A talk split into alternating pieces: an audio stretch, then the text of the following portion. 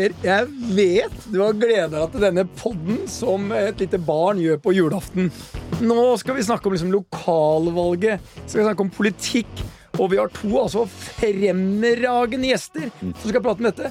Og du kan endelig gjøre et formidabelt eh, 35 minutters comeback som den legendariske redaktøren i E24. Så dette blir din pod, Per.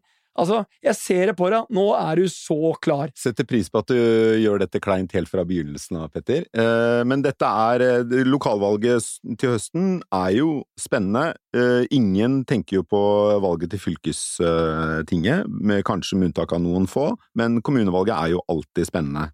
Og til å hjelpe oss med å forstå hva som venter oss, Petter, så har vi jo heldigvis smartere folk enn deg og meg i studio. Der er lista ganske Der er lista lav, og uh, velkommen til dere, politisk redaktør Siv Sandvik i Adresseavisen, og Fredrik Solvang, programleder for NRK-debatten. Velkommen! Tusen takk. Takk skal du ha. Sånn kort oppsummert uh, før uh, lokalvalget, hvordan er ståa i norsk politikk nå, vil dere si? En kort beskrivelse av det. Vi tar deg, Siv, som kan mene litt mer enn NRKs representant. Nei, ståa i norsk politikk er jo at vi har en særdeles upopulær regjering. Og det preger jo veldig mye av dekninga av den regjeringa. Nå er vi liksom inn i at alt de tar i blir til dritt, på en måte. Mm. Så blir det veldig spennende å se om de klarer å komme seg ut av det. Så blir det spennende å se om Høyre klarer å ri på den gode bølgen de er med på helt fram til september. For de skal jo ikke mye ned, mye ned før det plutselig blir søkelyset på dem, og hvorfor dem faller. Mm. Hvor viktig er den nasjonalpolitikken for kommunevalget? Det kommer veldig an på. Den, de nasjonale trendene, som det ofte kalles, tror jeg spiller mer inn i storbyene. Mm. Men hvis du bor i en liten kommune der du kjenner ordføreren, og der i mange kommuner i Trøndelag så for eksempel, så bytter det jo mellom enten Senterpartiet eller Arbeiderpartiet. Uh, og der tror jeg ikke nødvendigvis du får de største endringene i de mindre kommunene, men i storbyene så slår det mer inn. For det er typiske kommuner der du enten en små kommuner hvor du kjenner politikerne, det er, de du, det er de du stemmer på, du stemmer ikke på et partiprogram, uh, eller i kommuner hvor du har enkeltsaker som, som avgjør bompenger eller en ja. ny bro eller, eller, den type ting. Det er, det er, da nasjonalpolitikken blir litt frikoblet fra lokalpolitikken. Mm. Ja. Uh, merker dere allerede nå, Fredrik, et sånt trøkk fra politikere på å, å selge inn uh, saker, temaer, uh, til debatten? Jeg tror ikke de allerede har begynt å tenke, tenke at en sak i dag vil påvirke utfallet av kommunevalget. kommunevalget. Det, tror jeg, det tror jeg ikke. Men jeg tror vel kanskje det vi kan merke, er at det er viktig for dem å markere seg på uh, I går, for eksempel, jeg kan bruke et eksempel som uh, i går. Da var temaet noe så uh, outlandish som atomkraft i Norge. Mm. Og vi tenkte ja, det er vel riktig at regjeringen er til stede på et Altså, det, departementet ville ikke og kunne ikke. Det riktige departementet, altså det er vel olje og energi. Um, og da tenkte vi ja, ja, det er ikke så viktig for oss at det er noen fra Arbeiderpartiet der, men det var det for Arbeiderpartiet. Ja. ja. Uh, så de, de så sendte Hadia Tajik. Så de begynner å bli litt mer frempå, og de melder seg litt oftere på debatter, selv der dere i redaksjonen ikke tenker at de hører naturlig hjemme? Jeg tror kanskje det er riktig, ja. Mm. Men Fredrik, du har jo vunnet nesten alt som er av priser som debattleder, og er veldig profilert. Når du kjører debattene, mener du at eh, må liksom en debatt ha en tydelig konflikt for å være god? Svaret på det er ja. Hvorfor er det sånn? Fordi konflikt eh, Og det er lett å være snusfornuftig og eh, si at eh, det ikke burde være sånn, for eksempel, men konflikt er, er, er framdrift. Konflikt betyr også forstå, umiddelbar forståelse hos den som skal lytte og se på. Og du forstår at Du forstår veldig Du kommer, forstår mye raskere hva, hva problemstillingen eller temaet man tar for seg, handler om. Mm. Uh, det ofte så er bare Ja, så, så, det er liksom genialiteten med konflikt, egentlig. Men så trenger jo ikke konflikt å være krangel heller. Eh, ikke sant? Eh, og av og til kan du ha en kjempegod krangel, eh, som er både god TV og opplysende. Men jeg tenker jo, hvis vi for eksempel har en eh, Vi hadde en eh, ordførerduell eh, i Trondheim før jul. For der er vi så heldige nå at vi har to helt nye fjes, både fra Arbeiderpartiet eh, og fra Høyre, der Rita Ottervik jo gir seg etter eh, snart 20 år eh, ved makta. Eh, og de kan jo begge stå der og si at oppvekst er kjempeviktig, og at det er en god skole, og vi skal ha en god eldreomsorg. Og bare komme med sånne selvfølgeligheter, for hvem er det som er mot en god skole og en god eldreomsorg? Så da er det jo min jobb som debattleder der å finne fram hva er dere uenige om, da? Hva blir annerledes for innbyggerne dersom Høyre styrer kontra Arbeiderpartiet? Altså hvis vi ikke får fram de konfliktene, så blir jo valget, valget for eksempel en eneste lang linje med selvfølgeligheter. Men, men eh, bare før vi går videre, vi må bare få med et viktig poeng her. fordi at eh, her sitter, eh, eller her står det fire mennesker som er veldig engasjert, og som syns dette er noe av det morsomste som vi står overfor nå i de nærmeste månedene. Men det er faktisk over 35% som ikke engang gidder å avgi stemme.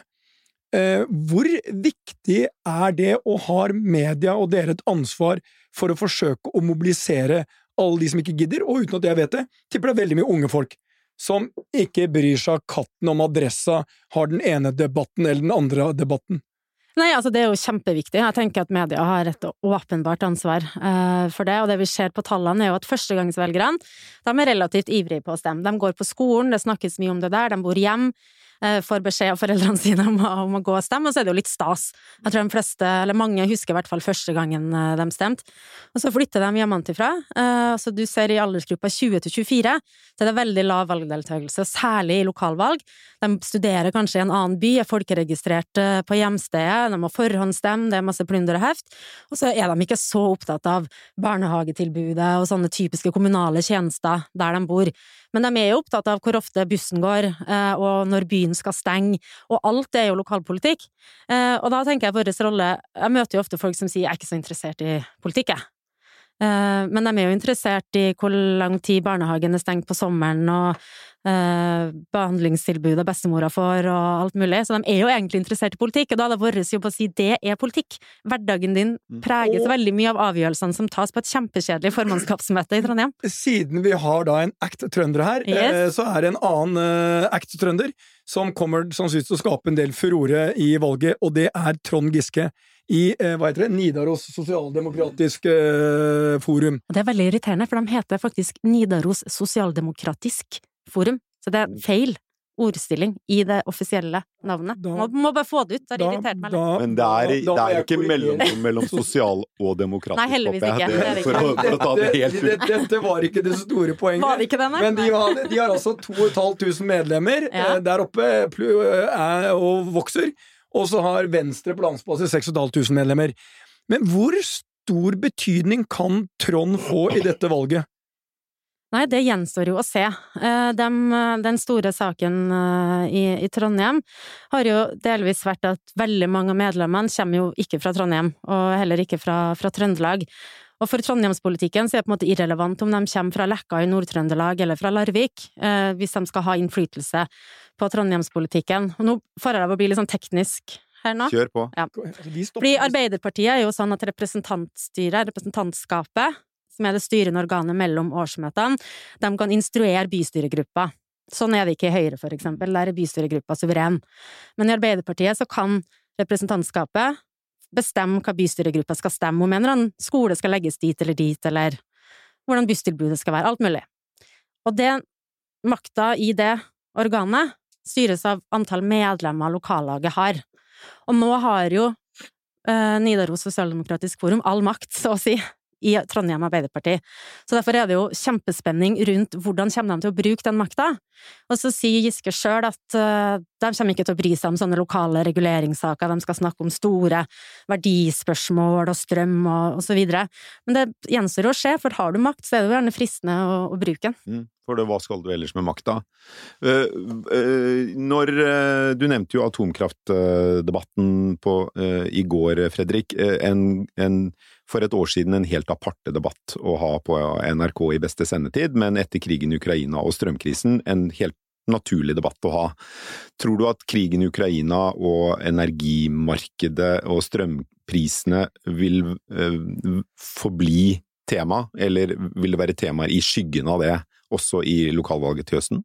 Eh, jeg er helt sikker på at eh, strømpriser, strømprisene kommer til å forfølge oss inn i valgkampen. Det, ja. og dermed også, ja, det, ja, tror, det, selv det om tror det jeg. år frem, frem og selv om det er strengt at ikke har et kommunestyre eller et fylkesting ikke kan gjøre en dritt med strømprisene, så tror jeg det.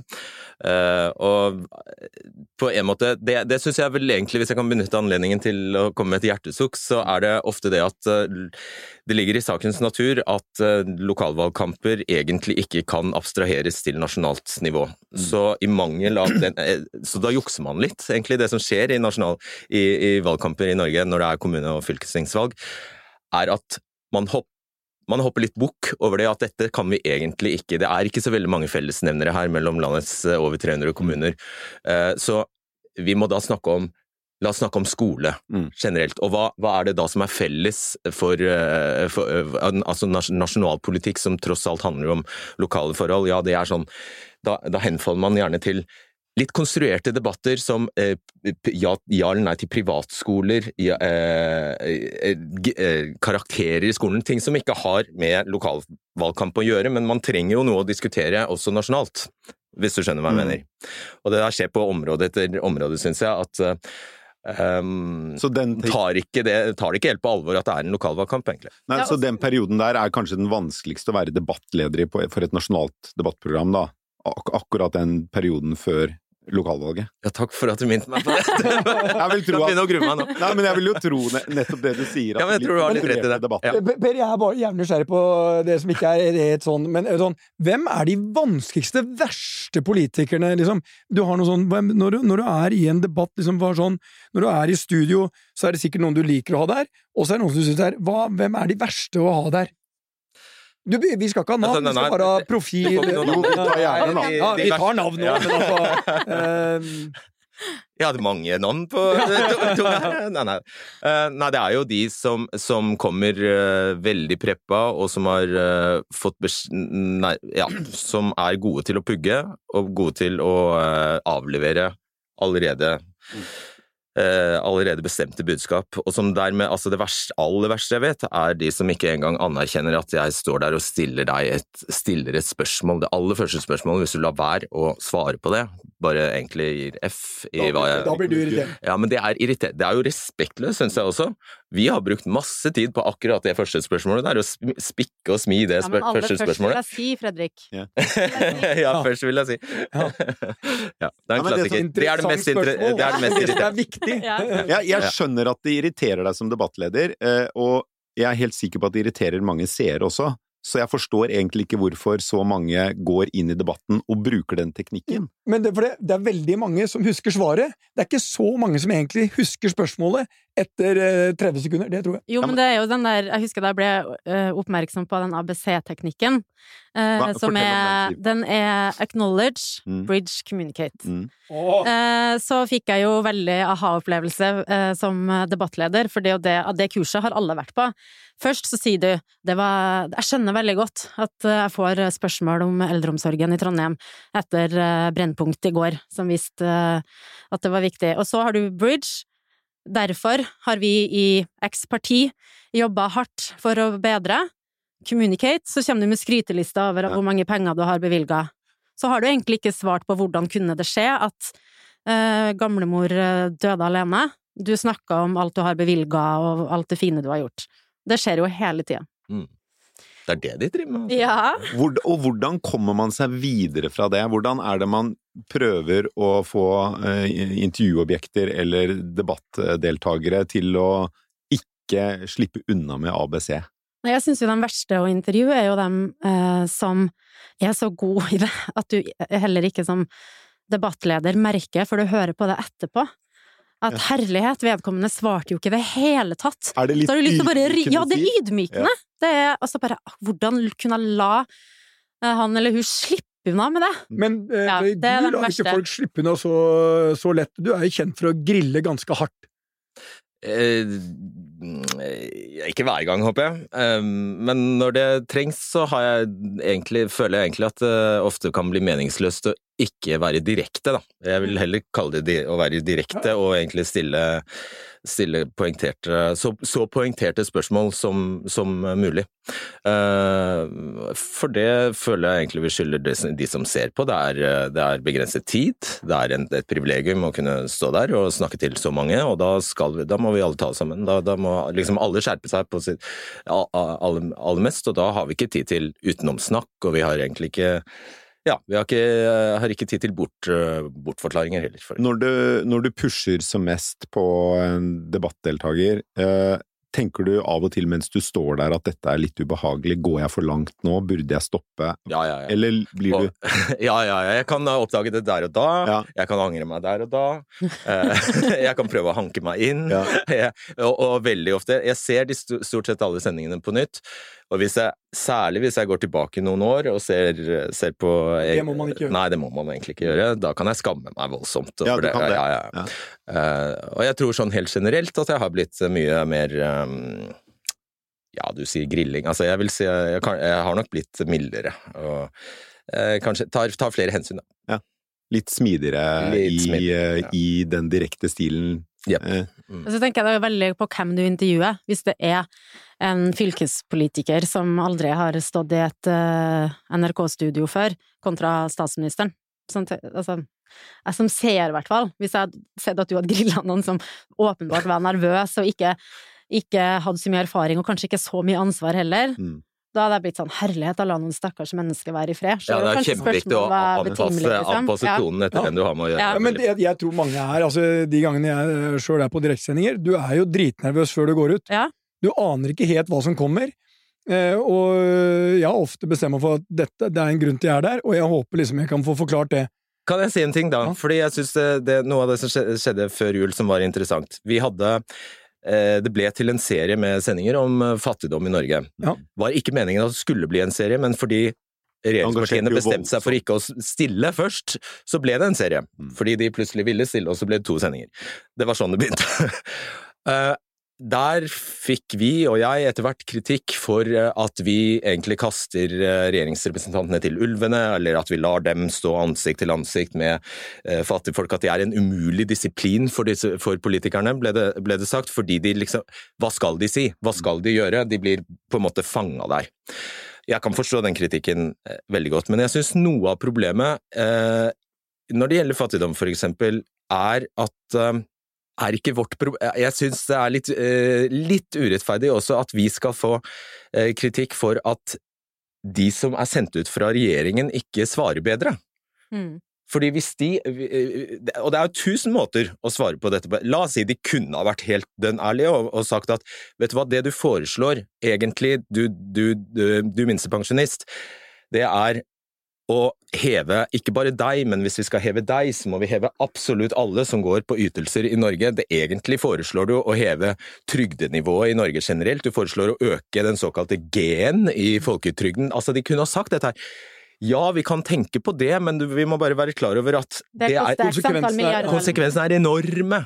De kunne ha sagt det, for eksempel. Jeg, ja. tror, hadde, jeg tror, de kunne ha fått stor forståelse. Og jeg er helt enig med deg, Fredrik. Samtidig så har jeg jo uh, full forståelse for at uh, alle fra, fra, både storting og regjering takker nei, fordi det er umulig å komme godt ut av det. Ja, så vi er veldig, så vi, jeg må bare legge til, vi er veldig påpasselige men det er å bli ekstra påpasselige nå, mm. Og har bestemt oss for det der skal vi vokte oss veldig for, fordi jeg ser det at eh, Men samtidig så er det jo noe mm. Jeg syns jo også det har en verdi, da, å ha når du ser konsekvensene av journalistikk, nei, av uh, politikk.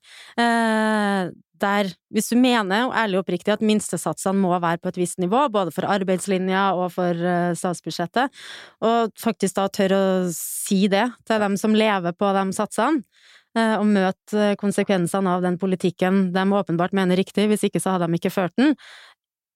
Hvis de ikke skal klare det, hva skal vi ha politikere for, går det jo også an uh, ja. å tenke. Og jeg syns at den debatten som du hadde der, var eh, For nå skal jeg skryte eh, litt av deg, Fredrik. Fordi eh, det Vi i Adressa har jo som mål eh, på debattsatsinga at vi skal ikke ha bare innlegg og kronikker om folk.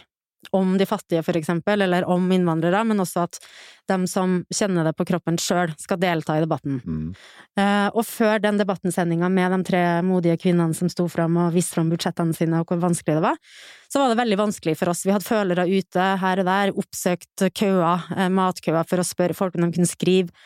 Nei, skammen var for stor. Og etter det så ble det, og jeg vet jo ikke, jeg har ikke forska på om det hadde direkte konsekvens med den sendinga og den oppmerksomheten den fikk, men da fikk vi flere som sto til meg fram med navn og bilde og fortalte om at for første gang måtte de spørre om hjelp til å kjøpe julegaver, for eksempel. Mm. Og jeg tror at den åpenheten som først og fremst de kvinnene torde å vise, men også at dere fant dem, det må ha vært vanskelig. Det var kjempeverdifullt for debatten, at de ikke bare snakka om de fattige, men at de fattige faktisk deltok selv. Ja, og jeg må jo si, jeg, jeg så også den debatten, og må si at eh, stor eh, respekt og beundring for de tre kvinnene som sto frem og fortalte sin historie, og det var jo, inkludert deg live, Fredrik, eh, ikke mulig å holde øyet helt tørt, fordi det var, det er rørende når ikke bare på grunn av deres situasjon, men fordi du vet hvor mye det koster dem å fortelle om det, og hvor, hvor skamfullt det er å snakke om det. Eh, og eh, Men eh, bare, bare, Fredrik, når du eh, etter en debatt som har vært, hvor det har vært godt og varmt på kjøkkenet, leser du kommentarfeltene da? Jeg blir stadig flinkere til å la være. Ja. Men det som skjer, er, er jo Det er jo en veldig vanskelig disiplin, dette her. fordi på en måte så er jeg nødt til, for å klare å lage disse sendingene, å henge med også i sosiale mediesvingene. Mm. Jeg er nødt til å la noe sive igjennom. Og det som skjer, er at jeg, ja, jeg er så dermed kan jeg ikke bare jeg kan ikke bare melde meg ut av Facebook, for eksempel. Det innebærer blant annet at man blir tagga. Det er umulig å, å ikke bli Det er umulig å skru av den funksjonen. Så metoden i det siste har bare vært når jeg ser, ser at det lyser, så har jeg bare, uten å se, på, se hva det står, bare trykka av varsler. Mm. Um, men det er ikke en helt holdbar løsning i lengden, det heller, for da gjør det jo at jeg isolerer meg helt. Så jeg syns det, det svar på spørsmålet ditt er, eh, det er Jeg syns dette er noe av det vanskeligste, faktisk. Men går innpå, da? Ja, deler av det kan virkelig gå inn på meg. Siv, du er i Adressa, og det er, sånn, det er avisa i Trøndelag. Altså i hvert fall i, Ja. i Trondheim. Det er avisa. Det er avisa. Det er dere som setter dagsorden. Yes. Ja. Eh, Er, eh, bestemmer dere for før valget at dere skal være med å sette dagsorden for den politiske diskusjonen i Trondheim? Ja, det er ambisjonen, åpenbart. Og så vil er det alltid skummelt å ha for mye ressurser, altså for mange journalister bundet opp i planlagte prosjekt. For plutselig så kommer det en helt annen sak fra sidelinja, og så blir vi irrelevant, for vi har et sånn løp på eldreomsorg, eh, og så er det SFO eller eh, bompeng som plutselig blir den store saken. Så det er en sånn balansegang, for du må ha noen planlagte løp, der vi for eksempel går inn og ser på Eh, hvordan står det til med ABC i det kommunale tilbudet, og hva er de ulike partiene sine løsninger på å gjøre det bedre? Vi må ha noen sånne løp, men ikke for mange av dem, sånn at vi blir så bundet opp til det at vi virker helt på sida, liksom, av debatten. Fin bro til, eh, til uh, uh, hva venter oss i valgkampen. Spurte jo deg litt om det i sted, Fredrik. Men hva, hva, hvordan, med, hvordan tror dere denne, denne valgkampen blir? Så hvis man skal karakterisere temperaturen i den, eller, eller Nei, altså, jeg har jo overtenning allerede. Eh, Som jeg var inne på, så har vi jo nå en situasjon i Trondheim med to nye fjes. eh, To eh, som Kent Ranum fra Høyre og Emil Raan fra Arbeiderpartiet, som eh, har vært i bystyret tidligere perioder, men har aldri vært heltidspolitikere. Ingen av dem. Så byen må bli kjent med dem. Mm. Og det er noe helt nytt i en by som i 20 år har blitt styrt av samme person. Mm. Og så det blir kjempespennende. Og så viser målingene at det blir nesten, i hvert fall på forrige måling, ganske dødt løp. Ja. Og det er også noe nytt i trondheimspolitikken. Eh, det er Høyre har jo ikke vunnet et valg fra opposisjon. Altså Da Marvin Wiseth, som var Høyre-ordfører i mange år og var superpopulær, var ordfører, så kom han jo til makta på grunn av noe trikkekrangel internt i, i bystyret. Og fra 70, altså jeg tror det må tilbake til 70-tallet før Høyre har vunnet valg fra opposisjon. Og nå Altså- kan det skje. Altså at de har Vunnet valg når eh, regjeringen Når, når, Høyre, ikke når, er når i ordføreren har vært fra Arbeiderpartiet. Ja. Ok, Ja. nettopp. At de ikke har fått, valg, fått makta Mm. i en periode, og så, så vant de jo valg etter det, men da satt de jo med ordføreren. Og i lokalvalg så er det kjempeviktig Men- å sitte med ordføreren, men fordi da, er ble det, da er Når vi snakker om ordfører, hvis man ser på øh, Arbeiderpartiet og Senterpartiet nå, store ordførerpartier. Hvor mye tror vi de kommer til å slå i antall ordførere de mister, hvis du ser på de nasjonale målingene? Nå var det jo NRK hadde jo en måling eh, der de hadde både foretatt den på kommunenivå, men også på landsbasis. Så var det stor forskjell i oppslutning. Arbeiderpartiet fant veldig trøst i den målingen. fordi Ja, den var, den var jo elendig ja, den var fortsatt ganske dårlig, men den viste at Arbeiderpartiet gjør det jevnt over veldig mye bedre i kommunene. Mm. Nettopp fordi de har sterke lokale kandidater. Da. Eh, Så jeg, jeg vet at det ble mottatt Den ble i hvert fall Ja. mottatt med, med, eh, med takksigelser i Arbeiderpartiet, den, den målingen der. Men så Også Senterpartiet gjorde jo og. Senterpartiet også.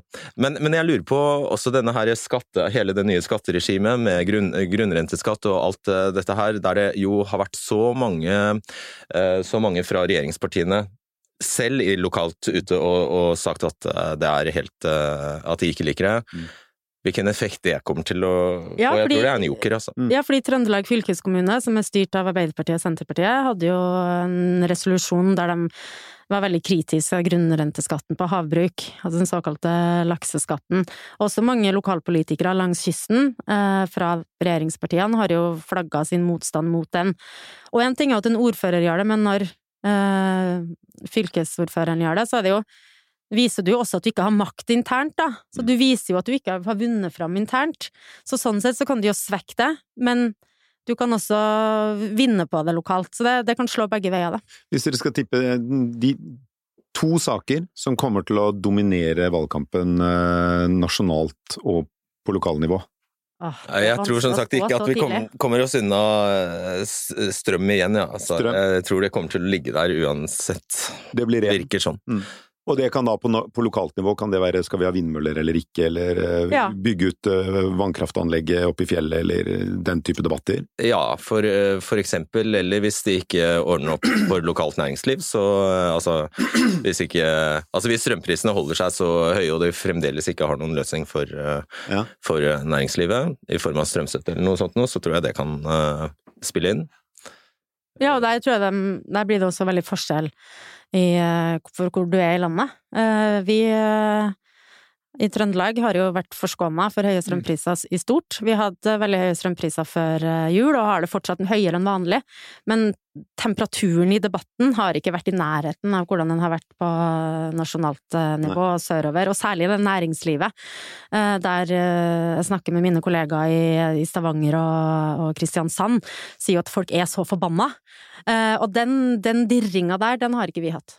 Men kan jeg si en ting som jeg, jeg tenker på hver, hver valgkamp? Fordi alle mediehusene de setter av stadig flere ressurser til å eh, dekke valgkamp, men ikke minst være i forkant av valgkamp. Sånn, fordi det er ethvert mediehus eh, ønske å kunne sette dagsorden, ikke sant? Eh, at man har en serie med f.eks. avslørende saker på, som man bare kan rulle ut, og så håper man at eh, dette vil mange snakke om. Kanskje klarer vi å påvirke politikk, politikeren til å engasjere seg i det også. Eh, NRK gjør det hver gang. og stort sett så fungerer det jo bare sånn halvveis, ikke sant? Fordi alle mediehusene gjør det. Eh, Så det er for mange om beinet. Så de gjør det, mediehusene gjør det. Og så eh, har de kanskje, som du sier, plutselig ikke nok journalister til å, se Ja. eh, sette, til å sette av på de, det som smeller. Mm. Eh, Så det blir underdekt igjen. Og så kommer partiene på toppen med sine egne agendaer. Eh, og de er gjerne ganske trauste, må jeg si. De, eh, partienes agendaer de er ganske tradisjonelle og forutsigbare. Takk og pris, kanskje, kan du si, fordi de skal jo nettopp være eh, stabile. Eh, men, men Så de, disse tre virker mot hverandre på, Ja. på et vis. Så utfallet, hva summen blir i en valgkamp, og hvilke saker som når eh, bryter lydmuren, syns jeg fra gang til gang er helt umulig å si, altså. Men du har tippa strøm, strømpriser og Ja. strømmarkedet. Jeg har her, et tema til som dere vil eh, Eldreomsorg blir alltid, i hvert fall nå allerede, så er jo den en het potet på grunn av sakene som Brennpunkt uh, har Mhm. løfta fram. Men om det varer helt inn uh, Men sant, i, eh, i Steinkjer så er det en skolenedleggelsesdebatt. I Bergen er det Bybanen.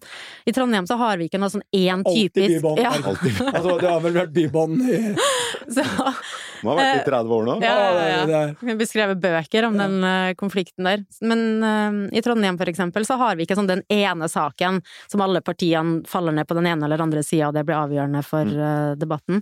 Så jeg tror det, er- det er kjempevanskelig å spå, og på den tida her i 2019 så hadde vi ikke hørt om eh, bompengeaksjonen engang, tror jeg, hvis jeg husker riktig. Eh, og det var jo et parti som eh, fikk inn folk i bystyret over, eh, hele, eller Mm. kommunestyret over hele landet. Ikke i Trondheim, for der hadde vi heller ikke bompengeoppgjør. Så jeg føler igjen, ikke får vi høy strømpris, ikke får vi bompengemotstand. Det er liksom sånn lagom. Det er liksom Det blir et blir litt mer, Jeg vil ikke ha høye strømpriser, men jeg vil ha litt mer temperatur. Ok, Petter. Hva tror du blir saken? Den store saken i valgkampen? Hva er den kloke, vise eh, mannen nå? Jeg tror mer på eldreomsorg og øh, det at i verdens rikeste land så bør vi ikke akseptere at så mange mennesker har det så tøft. Og det, det tror jeg, jeg tror det blir viktigere enn strøm, for jeg tror strøm, som det ser ut akkurat nå, er i ferd med å det, Strømprisene faller litt, eh, gasslagrene i Europa er høye, så la oss ha et håp om at når vi begynner å komme gjennom sommeren, eh, så er mye av dette i hvert fall under kontroll. Og jeg, jeg har en sånn følelse av at når man har diskutert lenge nok, så tror jeg du har rett, Fredrik, det kommer til å komme noen løsninger for eh, næringslivet. Eh, men eh, jeg syns eh, og håper at eh, eldreomsorg, eh, helse og det, det, at det tar større plass. Og det som blir vanskelig i den debatten for lokalpolitikerne, er jo at det er ikke nok å bare kaste penger på det, fordi de har ikke, de kan kaste penger på det, så er det ikke nok folk. Så det er de som tør, altså vil det betale seg, og tør å si det høyt, at det her har vi ikke noe, noe løsning på. Eh, nødvendigvis, eh, fordi det, vi får ikke tak i nok folk. Altså, nettopp så var det en regiondirektør i Nav i, i Trøndelag som foreslo å ha utdanning av helsepersonell i et afrikansk land, og så ta halvparten, la være igjen der, og så halvparten eh, ta dem til Norge. Altså det kommer sånne forslag nå, er fordi det, det er så Men det finnes jo en løsning, da, Siv. Det er jo ikke forbudt for hvilken som helst kommune å overby den nabokommunen i lønn, for Ja, men det er jo eksempel. ikke Det kan de jo fortsette Det kan de bare gjøre. Jeg, ja, Jo, men da blir det jo færre. Det, det gjør de jo allerede. Men da blir det jo færre til å jobbe i den kommunen, det- det- og så sprekker alle budsjettet. så, har budsjettene. jeg, så har jeg håp om at det kommer en eller annen politiker som sier sånn Vi kan ikke i verdens rikeste land ha så mye fokus på inflasjon at dette skal, vi skal ned på 2% som jeg tror liksom tre eller tre til fire kan bli det nye to, liksom. Eh, vi må ta litt inflasjon, eh, for det kan vi faktisk i Norge. Eh, hvis man ser på hvordan inflasjonen bygger seg opp. Eh, og så får vi heller putte på litt mer penger til alle de som virkelig trenger det. Tenk hvis en politiker hadde klinka til og sagt, og gått mot alle og sagt nei, det der er 2% inflasjon, det mener jeg er feil. Jeg syns eh, fire er det nye to, og da har vi råd til å betale de mer, de mer, de mer, de mer, og det skal vi gjøre, og vi skal bruke 50 milliarder på det eller noe. Um, og la meg si det sånn, snakke om Stavanger. Sitter et lite selskap i Stavanger som ingen snakker om, om som heter Petoro. Eh, Det er verken Equinor eller noe, det er eid av staten. Hva var det de gjorde i overskudd eh, i fjor, Per? 300 milliarder! Um, Så landet her, de, vi har jo Vårt problem er, vi har for mye penger. Um, Og da altså justert på skattene for de som virkelig trenger det, støtta de som virkelig trenger det, som er de som er, eh, har det tøffest nå, med eh, økte strømpriser, matvarepriser og absolutt alt. Det tror jeg hadde vært et vinning. Det hadde vi hatt et parti på, så hadde vi kjørt på den sida.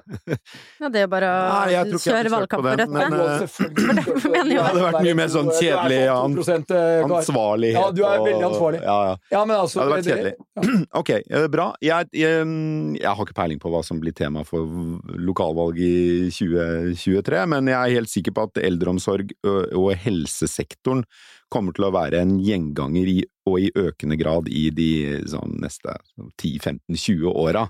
Fordi det er det noe vi kommer til å trenge de Petoro-pengene til, så er det å finansiere et helsevesen eh, og en eldrebølge som eh, jo ikke ser ut til å slutte å bli et problem, for å si det forsiktig.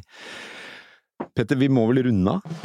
Ja, og da eh, kan jo du, eh, som er, har ordet i din makt, komme med en oppsummering, knytte igjen sekken og runde av på en elegant måte. Nei, jeg klarer ikke det, men eh, jeg vil veldig gjerne takke Siv Sandvik i Adresseavisa og Fredrik Solvang i NRK for at dere kom i studio for å uttale dere mye mer intelligent og interessant om dette enn det Petter og jeg klarer. Nå, ja. Takk skal dere ha, og så snakkes vi igjen neste uke. Det gjør vi.